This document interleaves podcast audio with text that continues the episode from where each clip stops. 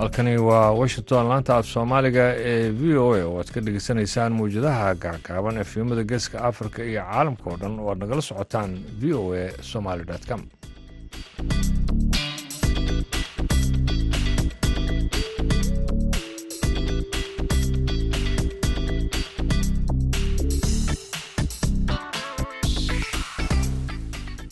duhur wanaagsan dhegeystayaal dhammaantiinba waa maalin jimco ah bisha oktoobarna waa toddoba iyo labaatan sanadka labada kun iyo saddex iyo labaatanka. Afrikada barina saacaddu waxa ay haatan tilmaamaysaa kowdii iyo barkii duhurnimo. Idaacaddana waxaa idiin soo jeedinaya anigu ah ibraahim xasan daandure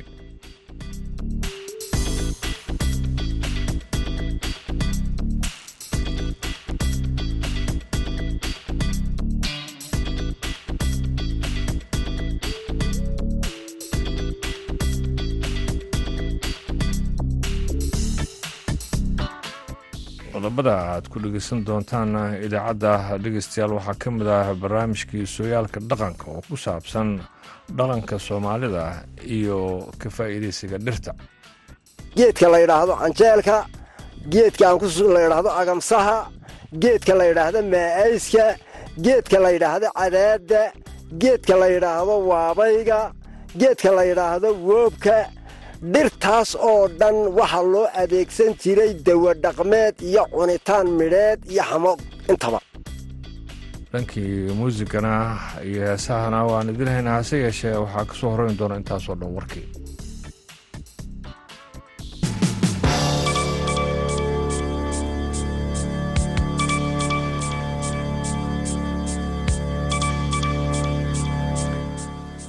ciidamada israa'iil oo ay taageerayaan duuradaha dagaalka iyo kuwa aan duuriyaha lahayn ayaa weerar labaad oo dhanka dhulka ku qaaday khaza waxaana duqeymo ay ka fuliyeen duleedka magaalada.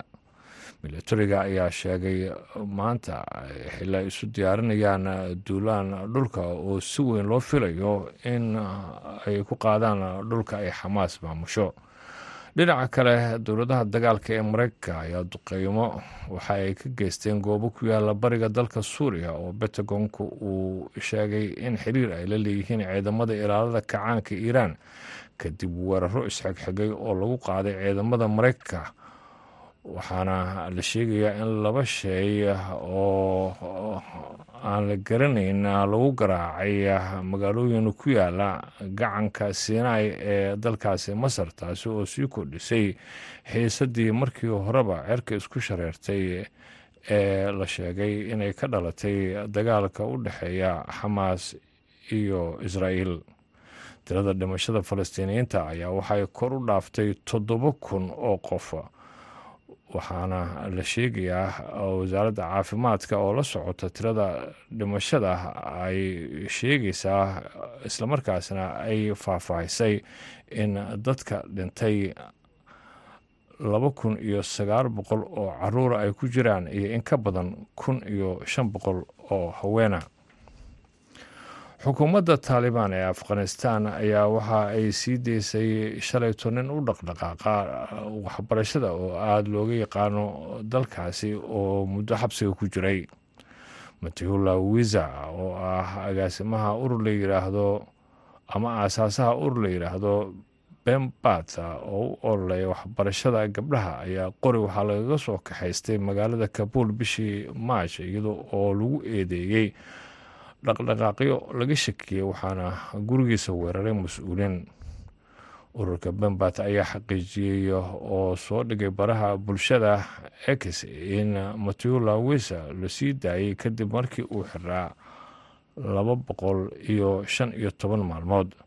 Saraakiisha taalibaan ayaan islamarkiiba ka hadlin sii deynta dhaqdhaqaaqahaasi waxaana xarigiisa si weyn uga carooday beesha caalamka kaasi oo dhaliyey baaqi xoogan oo talabaan lagaga dalbanayay sii deyntiisa richard bennet ergeyga gaarka ee qaramada midoobay ee xaaladda xuquuqda aadanaha ee afghanistan ayaa waxauu soo dhigayaa baraha bulshada ee ex inuu soo dhoweynayo sii deynta matula waxaana uu ku baaqay in si deg deg ah oo shuruud la'aana loo sii daayo dhammaan difaacayaasha xuquuqaha aadanaha ee afghanistan ee sida sharci darada ugu xiran utaagnaanta ilaalinta xuquuqdooda iyo xuquuqda aadanaha ee dadka kale.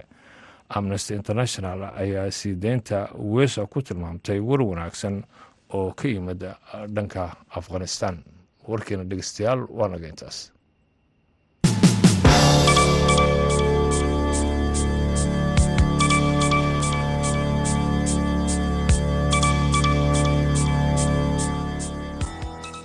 haatana dhegeystayaal waxaad ku soo dhowaataan barnaamijka sooyaalka dhaqanka.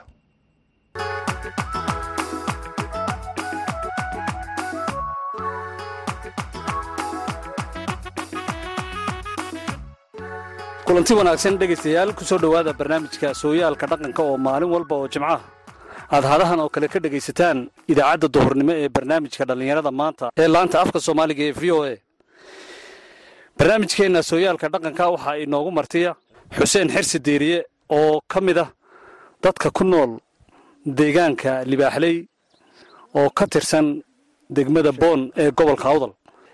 Xuseen xirsi deeriye wuxuu ka mid yahay dadka dhaqaaleeya dhirta iyo beeraha iyo xoolaha. Wuxuu muddo badan u soo joogay oo uu deegaankan ku noolaa aadna u yaqaanaa dhaqankii hore ee sooyaalka soomaalida gaar ahaan waxaan maanta ka waraysan doonnaa inaan maanta ka waraysanno dhirtii hore ee soomaalidu ama dawadhaqameedka u adeegsan jirtay ama cuntada u adeegsan jirtay wakhtiyadii hore ay xoolo dhaqatada ahaayeen maadaama deegaankan libaaxley uu ka mid yahay dhulseereedka ugu ballaadhan ee ku yaalla gobolka awdal ilaa wakhtiyadii hore ee gumaysiga iyo horteedba. Xuseen waxaad ka warantaa dhirta dhulkan ka bixi jirtay ee dhaqan ahaan adigu aad ku soo gaadhay sooyaal dhaqan ahaanna lagaaga sheekeeyey bismillahi raxmaan raxiim dhirta aan halkan ku soo gaadhnay buurtan libaaxley iyo buuraha kale ee ku xeeran. Sida maxaanku idhahdaa biililey waa qayb jeekaha oo kale waa qayb xeebta oo kale waa qayb. Way kala duduwan yihiin dhulku. Laakiin gaar ahaan iminka halkana joogna ee libaaxaley kolka la yidhaahdo waxay noqonaysaa dhirtii aan ku soo gaadhnay sida geedka la yidhaahdo canjeelka geedka aan la yidhaahdo agamsaha geedka la yidhaahdo maa'ayska geedka la yidhaahdo cadaadda geedka la yidhaahdo waabayga geedka la yidhaahdo woobka dhirtaas oo dhan waxaa loo adeegsan jiray dawadhaqmeed iyo cunitaan midheed iyo xamo intaba. Waxa soo raaca geedka la yidhaahdo maxaan kugu idhaahdaa torayda kombashka geedaha nolosha iyo borotiinka laga helaya uu dadku ku noolaa sidiisa badan sida jiilaalka iyo wakhti abaareedka iyo xilli kastaba. Sababta ah buurta guradeeda waxaa ku beernaan jiray wax ari la yidhaahda lama furi jirina geel iyo lo baa degi jiray. Dadkaasna raashinuma bixi jirin waddanka ku nool. Dadkaasi meel fog buu u doonan jiray raashinka oo ay ugu sokayso magaalada herer la yidhaahdo amba dirdhabo intaa intii ka sokayso meel raashin lagu sheegay ma jirin. Sidaa daraaddeed geedaha ay cunayeen waxaa ka mid ahaa caana hadday helaan iyo haddii ay waayaanba. Waxay cunayeen waxaa ka mid ahaa canjeelka. Geedkaas haddii uu bislaado way cuni jireen sidiisa. Hadduu qaydhin yahayna dhulka intoo god uga qodaan bay ku ridi jireen deedna way ku aasi jireen. Canjeelka markaa qadhaabka ka baxa ee laga cuni jiray nooc mu ekaa intuuse laaleekaa geedkaas midhihiisu wuxuu legla egaa markaan qiyaaso gacantaydaas inta ay dhan tahay. Waa inta saytuunku leegi waa inta saytuunku leegya iyo in ka yaryarba wuu lahaa. Geedkaasi markuu bislaaday waxaa lagu garan jiray cawlaan yar. Midhihaas yar cawlaanaya sidaa markaad u qabatana way bururayeenba oo dhacaankii ayaa ka soo boodayay dhadhan nooc may lahaa dhadhankiisu noocuu ahaa mu macaana mise dhanaan buu ahaa. markiisa koobaad udayg buu ahaa. Markiisa koobaadba geedka intaanad u dhowaanba udayg buu ahaa. Wuu udgoonaa wuu udgoonaa udaygaaba sii raacasoo geedkaa inuu bislaaday iyo inuu midha ku yaalin saasaa lagu garan jiray. Waa sii raacaysa geedkaa dhadhankiisu wuxuu ahaa nuuc macaan leh dhanaan yari ku jiro hal midhaoo yaroo buuran oo ukunin ay ku dhex jirto. Ayuu ahaa. Oo lafa xabaddaa yaroo lafta ah daayarku uu cuni jiray laakiin dadku uu qaadan jiray. Oo dhul bay ku beeran jireen. Dhirta kale ee qadhaabka lahayd ee wax laga cuni jiray soomaalidu dhaqan ahaan markay xoolo dhaqatada ahayd ee dhulkanna deganayd kuwa kale ka mid a waxaa ka mid ahaa geedka la dhahda xamarta xamar oo meelaha meelbiyooda ah u badnaa ayaa ka mid ahaa. Hadda ma ku yaalla wuxuu ahaa uu ku yaallaa. Laakiin gudun baa lagu gooyey. Waagaa hore lama tari jirin guduntaa lagu gooyey ayuu wax ka sheegtay geedkaasi midho waaweyn buu lahaa. Lebiga soo maad arag. Geedka lebiga ladha maaragta midhihiisu intay legleegyiin himbirishiisu intaasoo kale legleegahay midhihiisu waxay ahaayeen macaan iyo dhanaan geedkaa waa la cuni jiray. Waa la cuni jiray. Tooraydaa la cuni jiray. Torraydu la cuni jiray. Hadda ma ka baxdaa deegaankan ee, ma leedahayna midhihii laga cuni jiray. Nooc muuse ahaa midhihii laga cuni jiray. Waxay ahayn midho yaryar oo badan oo ukuma ah oo isku xidhxidhan xidhba xidhma ah. Oo isku xidhxidhan ayay ahaayeen oo sidaa mar loo wada goosan jiray. Oo afka lagu wada ridi jiray. Oo macaan ah. Oo casaan ah. Midabkoogu waa casaayeen markay qaydhihiina madow ba ahaan taasina saasay ahayd iminka kuma yaallaan wax yar meesha geerkaa ee xaraartaa maahine meelaha bannaan kuma yaallaan waayo geelii baa dhameeyey riyihii baa dhameeyey buurtiina waxaa degay adhi taasina waa sidaas. Geedka ho- hoobta la dhaa hoobta. Amba kombushka kaasina uu ku yaalla ayoo ka saddexaad ee la cunabu ka mid ahaa. Waa kombush hadda uu ku yaallaa? Geedka afraad wuxuu ahaa shay. Way ku taallaa laakiin midhihii ma laha. Midhihii ma laha. Ninka daayeer la yidhahdaan looga tamar waayo ku ah. Lagama helayo. Anteerkii hadda midhihii ma laha. Maxaa u diidey gudun baa u diiday waa la jaraa imika deegaankan dadkii ku noolaa waxay dhaqan jireen baa tidhi looda iyo Geel. geela iyo ariga. Iyo adhiga adhiga markaa buurta lama soo fuushin jirin baa tidhi. waa laga fogey dhanka kale magacan ay leedahay libaaxley waxay halkaa ka iftiiminaysaa in ay ugaadha maahee dugaaguna ku noolaayeen. Dhirta ay u jeclaayeen libaax ee deegaankan libaaxley loogu bixiyey ee uu ka cuni jiray libaax muxuu ahaa Ee, markaa sax baa tahay walaalkayga arrin fiican weeyaan waa su'aal qaaliya. Geedka halkan uu ka cuni jiray qurjeen geedka la dhahdaa ugu qaalisnaa xagga libaax. Qurjeen ayaa ugu qaalisnaa waa riix baa jebiye baa la yidhaahdaayo dhabarku wax ka qabaa baa la yidhaahdo caaw oo dhan halkaa unbuu ka ciyo. Geedka ilaa uu helo ma dhaqaaqayo. Hadday habeen tahay iyo hadday dhalaal tahay halkan baa loogu tegi. Geedkaas baa isaga qaali u ah waa qurjeen. Sida kale baalku waa sida lo'doo tigaaduu cunaa hadduu hilibka waayo. Amba cawsa ha ahaato amba dooga ha ahaato kaasuu cunaa sida cunaa buurtanna waxaa ku noolaa sidaan kuu soo sheegay geel iyo lo. Adhiga waa laga fogeyn jiray. Aan lo'da lahayn oon geela lahayn baa u diidi jiray. Waa maxay sababta ay ugu diidi jireen? Buurtan inay adhigu soo fuulo xaaluftay u diidi jireen oo tigaad buasho oo geedkaa la taabto waxaasay u diidi jireen oo qaymayn jireen miyaanay looda iyo geela iyo waxaa een, tigaadda iyo iyagu aanay cunayn oona een, xaalufinayn mahay xaalufinayn badh unbay ka goosanayeene may xaalufinayn baarkaa unbay ka goosan jireen. Marnaba ma xaalufay adhigu wuxuu xaalufinayaa isagu meel adag iyo meel jilicsan iyo meel xaraara iyo meel bannaan. Waa isku mid. Meella waxba kuma harayaan baba. Gebigiisana siigu wada kicinayaa oo caradii dhulka ku dhegsanayd ee ishinkan iska dul marayeen wuu qodayaa mar alle markuu roob way soconaysaa sidaa darteed baa loogu diidanaa in xaalufto buurta. Oo geedmadheedka uu xaalufiyo oo tigaadda xaalufiyo waxaasoo dhan baa loogu diidi jiray. Lo'da iyo geela iyo adhigu saddexdaana meel lama wada geyn jirine waxaa loo diidi jiray ishinku meel uu daaqo unbuu iska lahaa. Adhiguna meel uu daaqo. Waana inta kale ku tarix deegaanku waxa weeyaan deegaan ballaadhan waa buuro ballaadhan marka buurta libaaxley la leeyahay qiyaas ahaan lagu qiyaaso soddon kilomitir inay fadhigoogu yihiin waana silsiladda golis leydhaa geela iyo loodu maxay ka cuni jireen? Geedaha ay cuni jireen maxaa ka mid ah? Geelani geedaha uu ka cuni jiray waa geedaha imika kuu muuqda iyo qaar dabar go'ayba waa sogsogta waa maraaga waa maxaan kugu idhahdaa waa atirsaha waa maa'ayska waa geelu kuwa uu cuno waa quraca waa galoolka waa gobka waa maraagan waa geedkan la yidhaahdo maxaan kugu idhaahda xaabada. Geedaha uu cuno iyagu waa geedahaas. Uguna qurux badan agamsaha uu cunaya. Waa geedaha uguna qurux badan. Ee geelu markuu magool ka helo aada ugu cayilaya dee. Hadda oo aynu joogno buurta libaaxley qaybo ka mid a waxaad moodaa in ay soo gaadhayaan daruuruhu amase ceeryaantu ay dul fadhiisatay. Ceeryaantaa dul fadhiisatay kaynta imiga dib loo soo nooleeyey ee la daayeyba mise weligeed basan ahaan jirta weligeedba saasay ahaan jirtay. Maanta wayba ku yar tahayba dhulkan meeshan iminka inaga sarraysa waxaa la idhahdaa hadooda.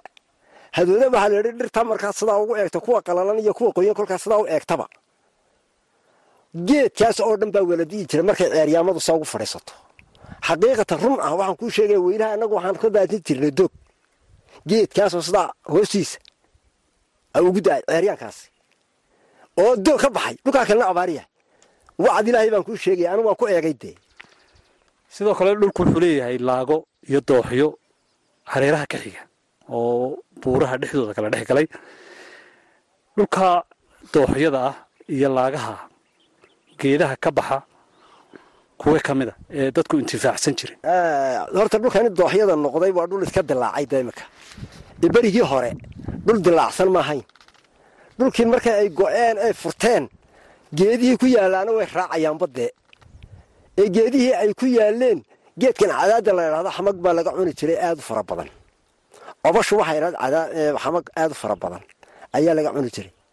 Waxaa dhulkaa ku badnaa oo dooxyadaa geerkiisa ku badnaa geedka la idhahdo dibowga. Daayeerka unbaa cuni jiray geedkaasi meesha uu sidaa ugu yaallo daadkuma mari jirin. Carraduna kama tegi jirin. Geedka la idhahdo agamsaha carradu kama dhaqaaqi jirin meesha uu ku yaallo. Waana geed midhale waana geed xooluhu cunaan. Oo labadaba dadka baniaadmiga ee xoolaha intaba way ku filan yihiin. Dhirta xabagta leh ee deegaankan ka bixi jirta daawooyinka iyo waxyaabaha loo isticmaali jiray sooyaalkaa hore ee soomaalida kuwee ka mid a xamukeedka loo isticmaalo daawada ee ka bixi jiray dhulkan. Waxaa ka mid ahaa geedka beeyada la yidhaahdo beeyadu geedka la yidhaahdo maxaa malmalka geedahaasaa dawa dhaqmeed ayaa u ahaa oo xamag lahaa. Kana bixi jiray. Iminka way ku yaallaan dhulka qaarkii laakiin inta badan korka buurtan madow ean hadda taagannahay kuma yaallaan ee bannaankay ku yaallaan geedaha xamagta la isticmaalo lahaa buurtan geedkii xamagtiisa laga cunaya ee ku yaalla dadka cunaya waxaa ka mid a cadaadda iyo quraca iyo geedka la dhaahdo obasha saddexa geed baa ku taalla dadku waxay jecel yihiin xabagta cadaadda beeyadaa way jecel yihiin oo waa la iibsadaa malmalka waa la iibsadaa dadka deegaankani ma ka faa'iidaystaan? Ka iibiyaan dadka u baahan malmalka xabagta cadaadda iyo taa kale beeyada. Xabagta cadaadda inay soo guraan waa laga yaabaa laakiin beeyada iyo malmalkaa dadka halkan jooga iminka anigu aan jooga ila jooga diyaaru ma aha. Sababtoo sababtoo ah meesha uu ku yaallo ayaa ka yar fog. Mana garanayaanbaba waxa loo isticmaalo da'yartu iminka maba garanaysaba. Qofkii weynaana amba uu daalayba amba uu tegeyba markaa dhulkaa malmalku ka baxo marka uu baxo maxaa laga yeelaa? Dad baa yaqaan oo soo gura. Fiqaadan baa la geeyaa sheekhawaare waa la geeyaa jabuuti waa la geeyaa bowramana waa la geeyaa. Waa dadka yaqaana ee dhulkaa degan ee lagu tababarayba qaar lagu tababaray baa jira. Inay waxtar yihiin oo lacag leeyihiin oo wax laga heli karo oo ay dawo yihiin. Dad loo tababaray baa jira xataa oo yaqaano oo dadkana ku sii tababaray.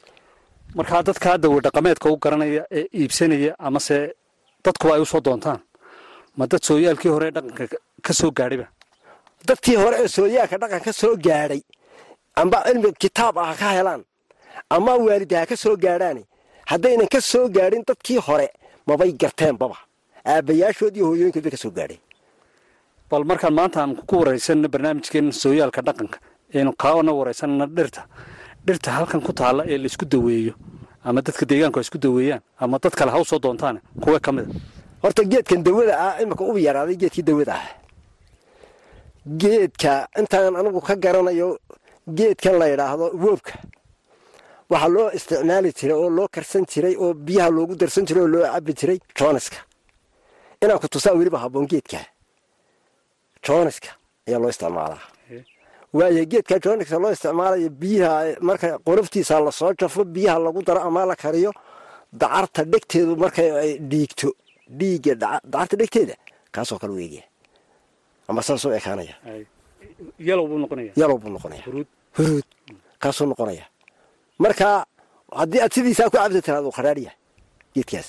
Waa khadhaar geedka amba in yaro sokoraa lagu darayaa haddii kale biyaha ayaa laga yaraynayaa ee maxaan ku dhaha inta lagu ridayo meesha ayaa la yaraynayaa. Kuwa kale la isku daweynaya geedaha waa la isku daweyni karaa. Geedkan la yidhaahdo maxaan kugu idhaahdaa maahayska waa la isku daweeyaa isagana maxaa la iskaga waa la daweynaya iska daweeyaa? Ayaa la karsadaa. Xididada oo kale waa la isku daweeyaa. Shaahaan baa loo karsadaa.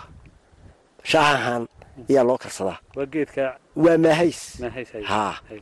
Geedkaaga la yidhaahdo tiiro waa ku yaallaa buurta. Ee sida badan dadku aad u isticmaalay magaalada xataa lagu iibiyo.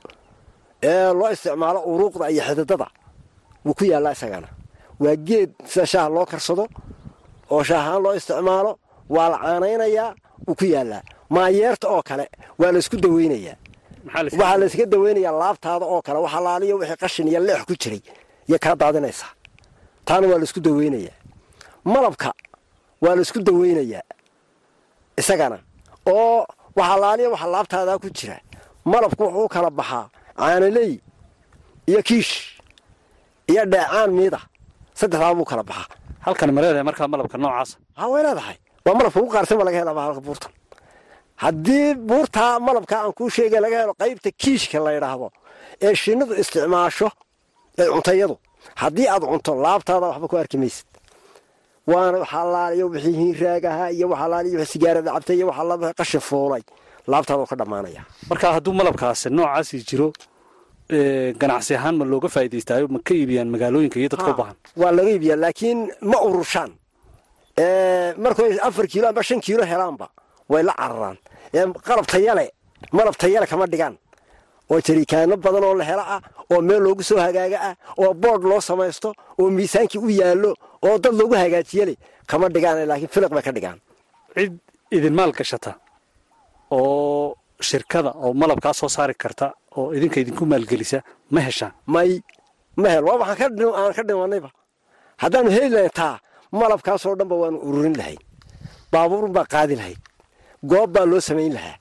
Halkaas baa laga heli lahaa oo telefoonadiisii iyo wax alaaliya wixii uu u baahan yahay ayaa looga heli lahaa. Iyaduna dawbay ka heli lahayd. Raashin bay ka heli lahayd. Waa shinnida oo kale. Iyadana waa la- dhaqaalin lahaa dee. Laakiin hadda iyadana dhaqaalo ma haysato. Annaguna dhaqaalo ma geedaha kale ee la isku daweyn jiray ee kuwa aad tilmaantay aan ahayn kuwa ka mid a geedaha waxaa ka mid a qayb anigu aad aanan u aqoonin laakiin la idhahda maluud. Waa geed bari weyn oo dhulka ku yaalla geedkaas oo la jeexjeexo oo la cuno oo xanuun shay kuu doonaba ha ahaadee loo cuno. Oo nimanka yaqaanaa ee cilmiga u lehi hay noogu sheegaan geed aad u qaalisan magacii baa la idhaa maluud ma halkan wuu ka baxa? Wuu ka baxa haa oo imiga waan ka helina maya dee raad baa lagu heli waa dhiftin dhiftin dhiftin baa lagu helaya marka ma buurta sinteedaa laga helaya mise kuradeeda mise keedana waa laga helaya banaankeedana waa laga helaya intaasaan ka garanayaa geedihii dawada lahaa intoodii badnayd. Intaas waxaynu ku soo gunaanadaynaa kuna soo gebagabaynaynaa barnaamijkeennii sooyaalka dhaqanka ee toddobaadkan oo aynu ku soo qaadanay sooyaalkii hore ee soomaalida iyo dhirta iyo sidii ay iskugu daweyn jireen iyo kuwii kale ay qadhaabka u cuni jireen iyo kuwii xoolahooga ay cuni jireen waxaan ka waraystay oo barnaamijka inoogu marti ahaa xuseen xirsi diiriye oo ka mid ah oday dhaqameedada ku nool deegaanka libaaxley oo ka tirsan degmada boon ee gobolka awdal. Waxaa barnaamijka idinka soo diyaariyey deegaankaasi libaaxley ee ka tirsan degmada boon ee gobolka awdal anigoo ah haashim sheekh cumar good tan iyo kulantideenna dambe dhegaystayaal waxaan idinkaga tegayaa sidaas iyo nabadgelyo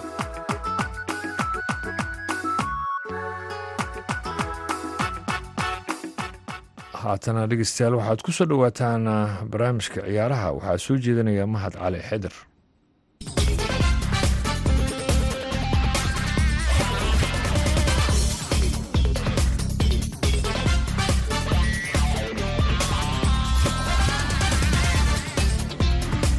magaalada muqdisho ee caasimada soomaaliya waxaa lagu qabtay isku aadka tartanka maamul goboleedyada iyo gobolka banaadir munaasabada qorituurka oo ay ka soo qayb galeen qaar ka mid a xildhibaanada labada gole ee baarlamaanka soomaaliya wasiiro ka tirsan xukuumadda danqaran sida wasiirka wasaaradda dhallinyarada ciyaaraha gudoomiyaha xiriirka soomaaliyeed ee kubadda cagta iyo marti sharaf sboortis oo ka kala socday gobollada kala duwan ee soomaaliya. Isku aadka oo la sameeyey ayaa laga waayey markii ugu horeysay xulka kubadda cagta maamul goboleedka puntland gudoomiyaha xiriirka soomaaliyeed ee kubadda cagta cali cabdi maxamed ayaana xaqiijiyey in maamul goboleedka puntland sanadkan qayb ka noqon doonin tartanka maamul goboleedyada iyo gobolka banaadir sababo aan la shaacin. Taa bedelkeedana ay ciyaari doonaan markii ugu horreysay maamulka kumeel gaarka ah ee khaatumo. Xafladan waa qoratuur goboleeda iyo gobolka banaadir. Waxaan ka qaybgeli doonin puntland. Waxaa ka qaybgelaya afarta maamul goboleed s c khaatumo iyo gobolka banaadir waxaan rabnaa marka haddii ilaah yidhaahdo. Sanadihii hore waxaa loo ciyaari jiray guruub sanadkan waxaan rabnaa inaan ciyaarno iswada arag. Qoratuurka haddaan samaynana haddii ilaah yidhaahdo waa is arag hal lug ah. Afarta u sarraysa ayaa semifiina ciyaaraysa labada u sarraysa afayna ciyaari doonta. Waxaan rajaynaynaa dadka soomaaliyeed oo jecel kubadda cagta inay ku raaxaysan doonaan. Wasiirka wasaaradda dhallinyarada ciyaaraha soomaaliya maxamed barre maxamuud ayaa hoga tusaaleeyey faa'iidada ku jirta in la maalgashado kubadda cagta isagoo ganacsatada soomaaliyeed ka dalbaday inay maalgashadaan tartanka maamul goboleedyada iyo gobolka banaadir. Sanadkan sanad xiiso badan inuu noqdaan rajaynayna insha allah koobka sidaasi lamida waxaan rabnaa inaan sidoo kale fursad siino ganacsada soomaaliyeed aan idhaahdo sbortisku waxa waaye il keli u aragtaano businesska haddaad meelo kale ka finayseen meelaha ugu hantida badan ee adduunka laga taajiray ee billionareska laga noqdo waa sportska sportska algashta waxaan idin leenahay il gaar ku soo fiiriya ganacsada guud ahaan bangiyada ganacsada sektarada kala duwan telecommunicationska guud ahaan warshadaha. Anagoon kala qaadayn waxaa idin leeyahay mar kale sportisku wuxuu u baahan yahay garab istaag wuxuu u baahan yahay keliyana maahane meel inaa contribution keliya ku darsato wax kaa gala keliya maahane waxbaa ka soo laabanayo. Haddaa ogoodeen mid le wax lagu gelina waxna ka soo laabanayn kan idin gaarantii garaynayo waxbaa ka soo laabanayo. Yaan laydinkaga hormarin idinkuna waxaa laydin kara waa garab istaag buux. Intaa kadib waxaa la sameeyey isku aadka xulalka kubadda cagta ee maamul goboleedyada dalka waxayna iskugu aadeen sida tan. Galmudug iyo hirshabelle ayaa iswajahi doona. Xulka kubadda cagta banaadir oo ah martigeliyaasha tartanka iyo koonfur galbeed kulan adag ayaa dhex yaalla jubbaland iyo maamulka urdunka ah ee khaatumo iyana waa isfara saari doonaan tartanka maamul goboleedyada iyo gobolka banaadir burburkii dalka soomaaliya kadib waxaa la bilaabay in la ciyaaro shan iyo tobankii julaay laba kun lix iyo tobankii. Markaas oo ay ciyaartii kama dambaysta wada ciyaareen puntland iyo jubbaland waxaana koobkii ugu horreysay kor u qaaday xulka kubadda cagta maamul goboleedka puntland lix iyo labaatankii julaay laba kun lix iyo tobankii. Mar kale waxaa u suura gashay in sannadkii labaad ay qabtaan tartanka maamul goboleedyada iyo gobolka banaadir xiriirka soomaaliyeed ee kubadda cagta iyo dowladda soomaaliya oo iskaashanaya labaylabaatankii disembar laba kun tobankii ayaana laga dahfuray magaalada muqdisho. Waxaa ciyaartii fiinaalka mar kale iska soo xaadiriyey xulalka jubbaland iyo puntland waxaana koobkii kismaayo ka dejiyey xulka kubadda cagta ee jubbaland. Markii ugu dambeysay ee saddexaad ee tartankan la qabto waxay ahayd disembar labakunlabaatankii waxaana koobkii xilligaas ku guulaystay xulka gobolka banaadir oo martigelinayay dhammaan ciyaarihii maamul goboleedyada kow iyo soddonkii disembar labakunlabaatankii ayayna rigoorayaal shan iyo saddex ah koobkii uga qaadeen xulka kubadda cagta ee galmudug. tartankan ayaa ka furmaya magaalada muqdisho caasimada soomaaliya shan iyo tobanka bisha disembar ee sanadkan labakunlabaataniyosaddexda mahad cali xidir v o a muqdisho.